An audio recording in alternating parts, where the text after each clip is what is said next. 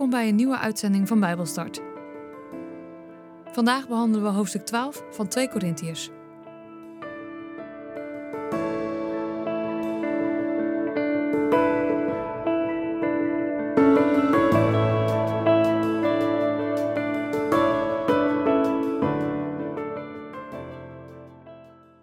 Vandaag lezen we vanuit de Basisbijbel 2 Korintiërs 12.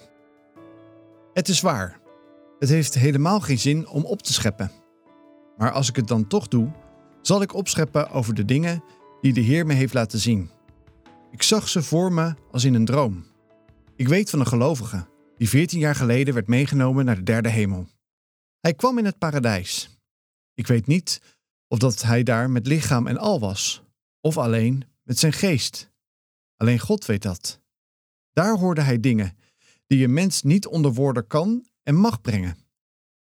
Over zo iemand wil ik opscheppen. Maar over mijn eigen persoon wil ik niet opscheppen, behalve dan over mijn zwakke kanten. Toch zou ik niet alleen maar dwaas zijn als ik opschepte. Want wat ik zou zeggen, zou dan wel de waarheid zijn, maar ik zal niet opscheppen. Want ik wil niet dat de mensen mij belangrijk vinden door de dingen die ik over mijzelf zeg. Ze moeten mij alleen geloven door de dingen die ze zelf van mij zien en horen. Ik mag niet te veel verbeelding krijgen door de dingen die de Heer mij heeft laten zien. Daarom laat Hij toe dat ik word geplaagd door een scherpe doorn in mijn lichaam.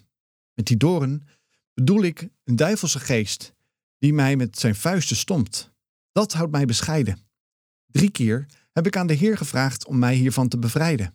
Maar hij zei tegen mij: Je hebt genoeg aan mijn liefdevolle goedheid, want mijn kracht kan pas helemaal zichtbaar worden als jij zelf zwak bent.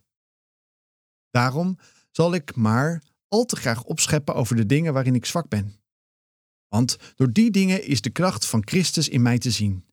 Daarom ben ik blij met alle moeilijkheden, beledigingen, problemen, vervolging en ellende die ik meemaak, omdat ik in Christus geloof.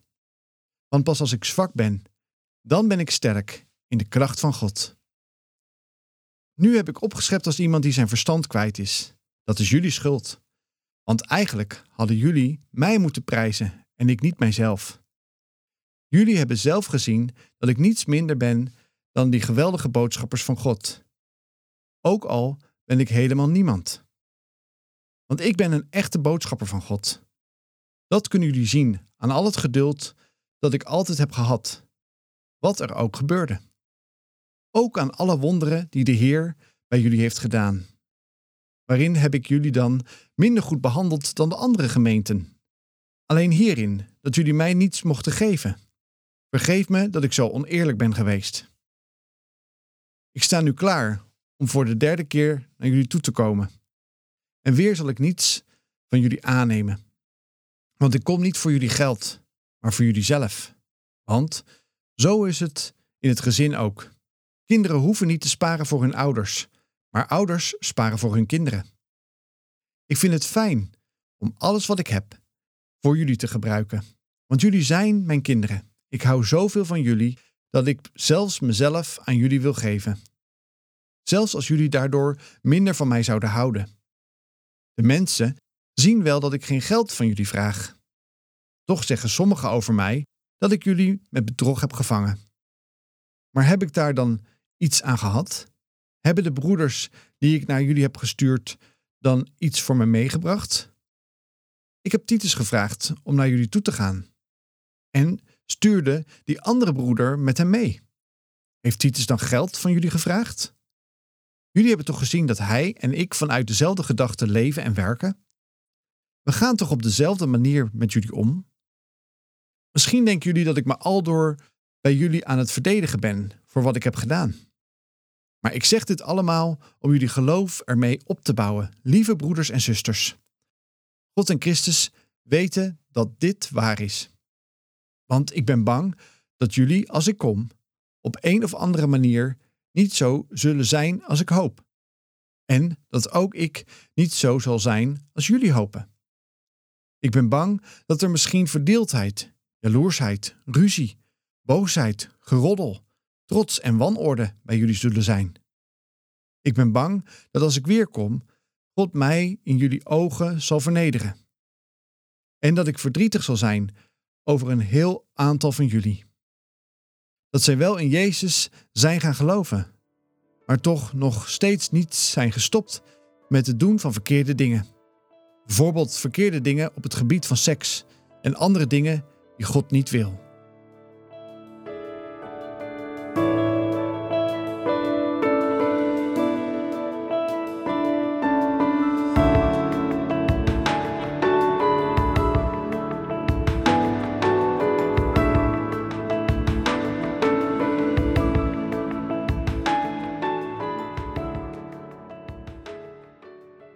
Eigenlijk hoorden de laatste drie versen van hoofdstuk 11 nog bij hoofdstuk 12. Nu zijn we in hoofdstuk 12 midden in een stuk begonnen waar Paulus zegt: Het is waar. Het heeft helemaal geen zin om op te scheppen. Maar als je drie versen teruggaat, dan staat er in de basisbijbel boven vers 30 van hoofdstuk 11: Paulus' zwakheid en de kracht van God.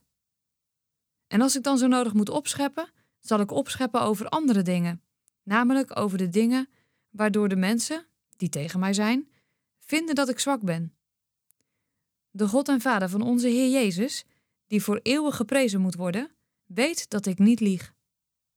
Toen ik in Damascus was, liet de bestuurder van Damascus, aangesteld door koning Aretas, de stad bewaken, want hij wilde mij gevangen nemen. Maar vrienden hebben mij toen vanuit een raam in de stadsmuur in een mand naar beneden laten zakken en zo ben ik ontsnapt.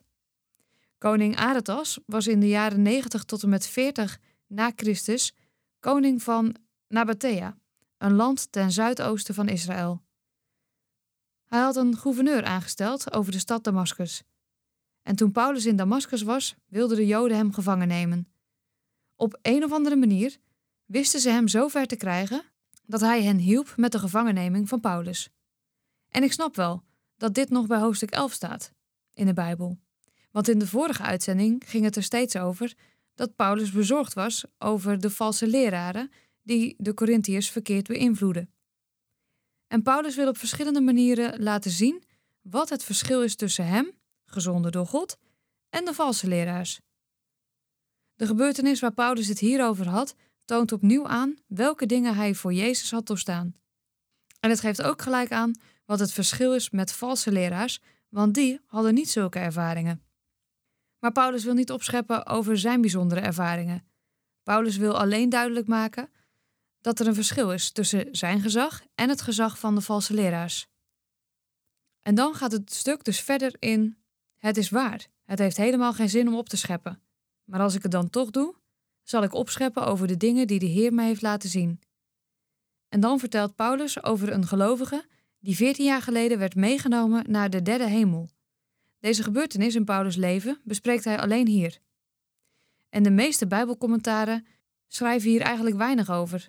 Het enige wat ze erover schrijven is dat Paulus met zulke prachtige, wonderlijke verhalen niet over zichzelf wil opscheppen, maar over de dingen van God.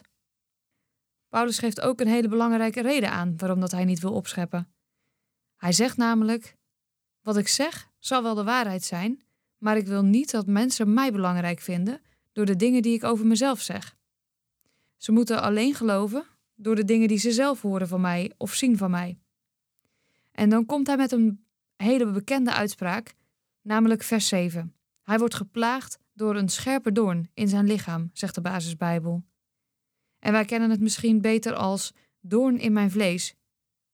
Wat die doorn precies is, dat weten we niet. Simpelweg omdat Paulus het niet vertelt. Sommige mensen denken dat het een oogziekte was. En dat komt door wat er in Galaten 4 staat. In vers 13 tot en met 15 staat er dat hij er slecht aan toe was en dat de gelovigen in Galaten Paulus als boodschapper van God hebben ontvangen en ze zo ontzettend gelukkig waren omdat Paulus er was. Ondanks dat hij er slecht aan toe was.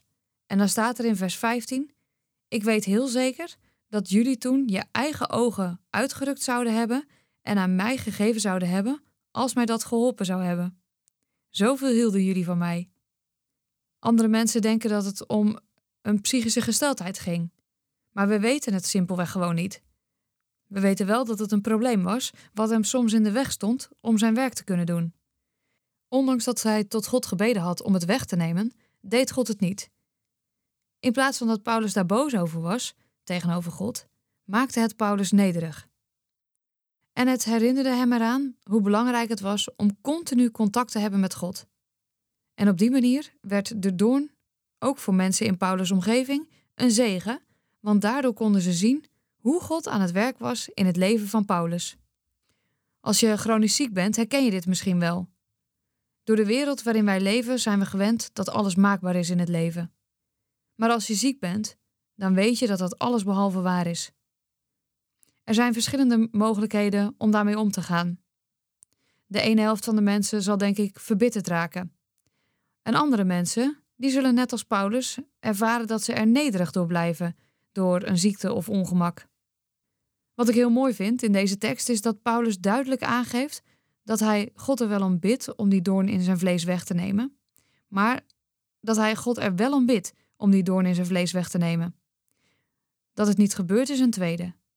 En toch kan je van een soort genezing spreken op de manier hoe Paulus hiermee omgaat. Namelijk geestelijke genezing. Ondanks dat lichamelijke genezing uitblijft, blijft hij vertrouwen op God.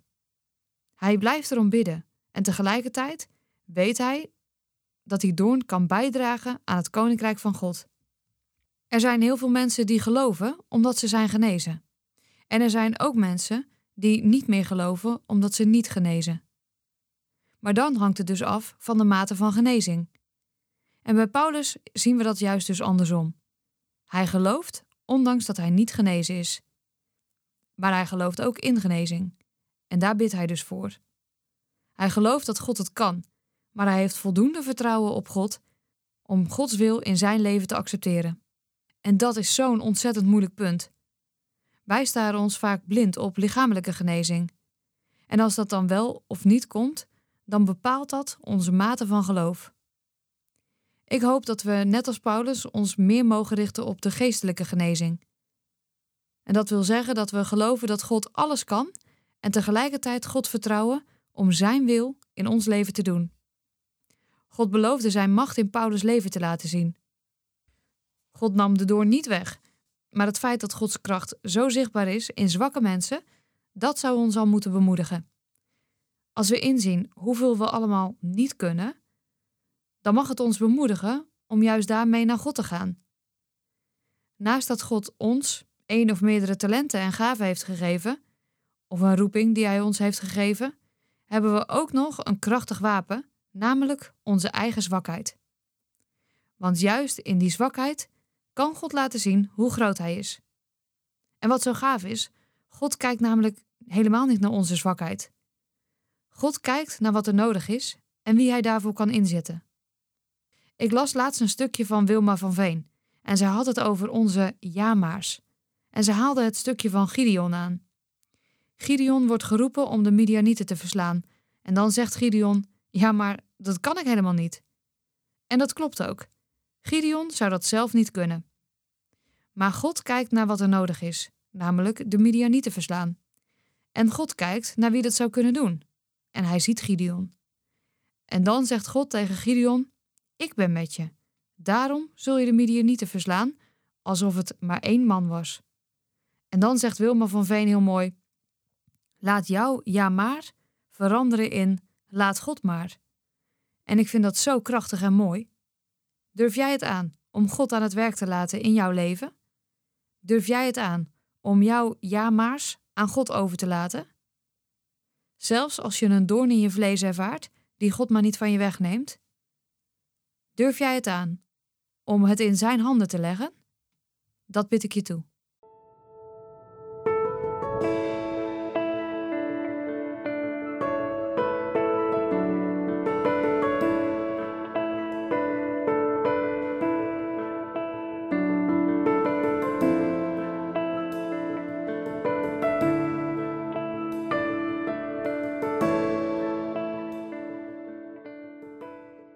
Dit was Bijbelstart, een programma van TWR. Het is gebaseerd op het Amerikaanse programma Through the Bible, ook wel TTB genoemd. En deze uitzending is een samenvatting van twee afleveringen. Wil je meer weten? Ga dan naar ttb.org of ga naar twr.nl/bijbelstart.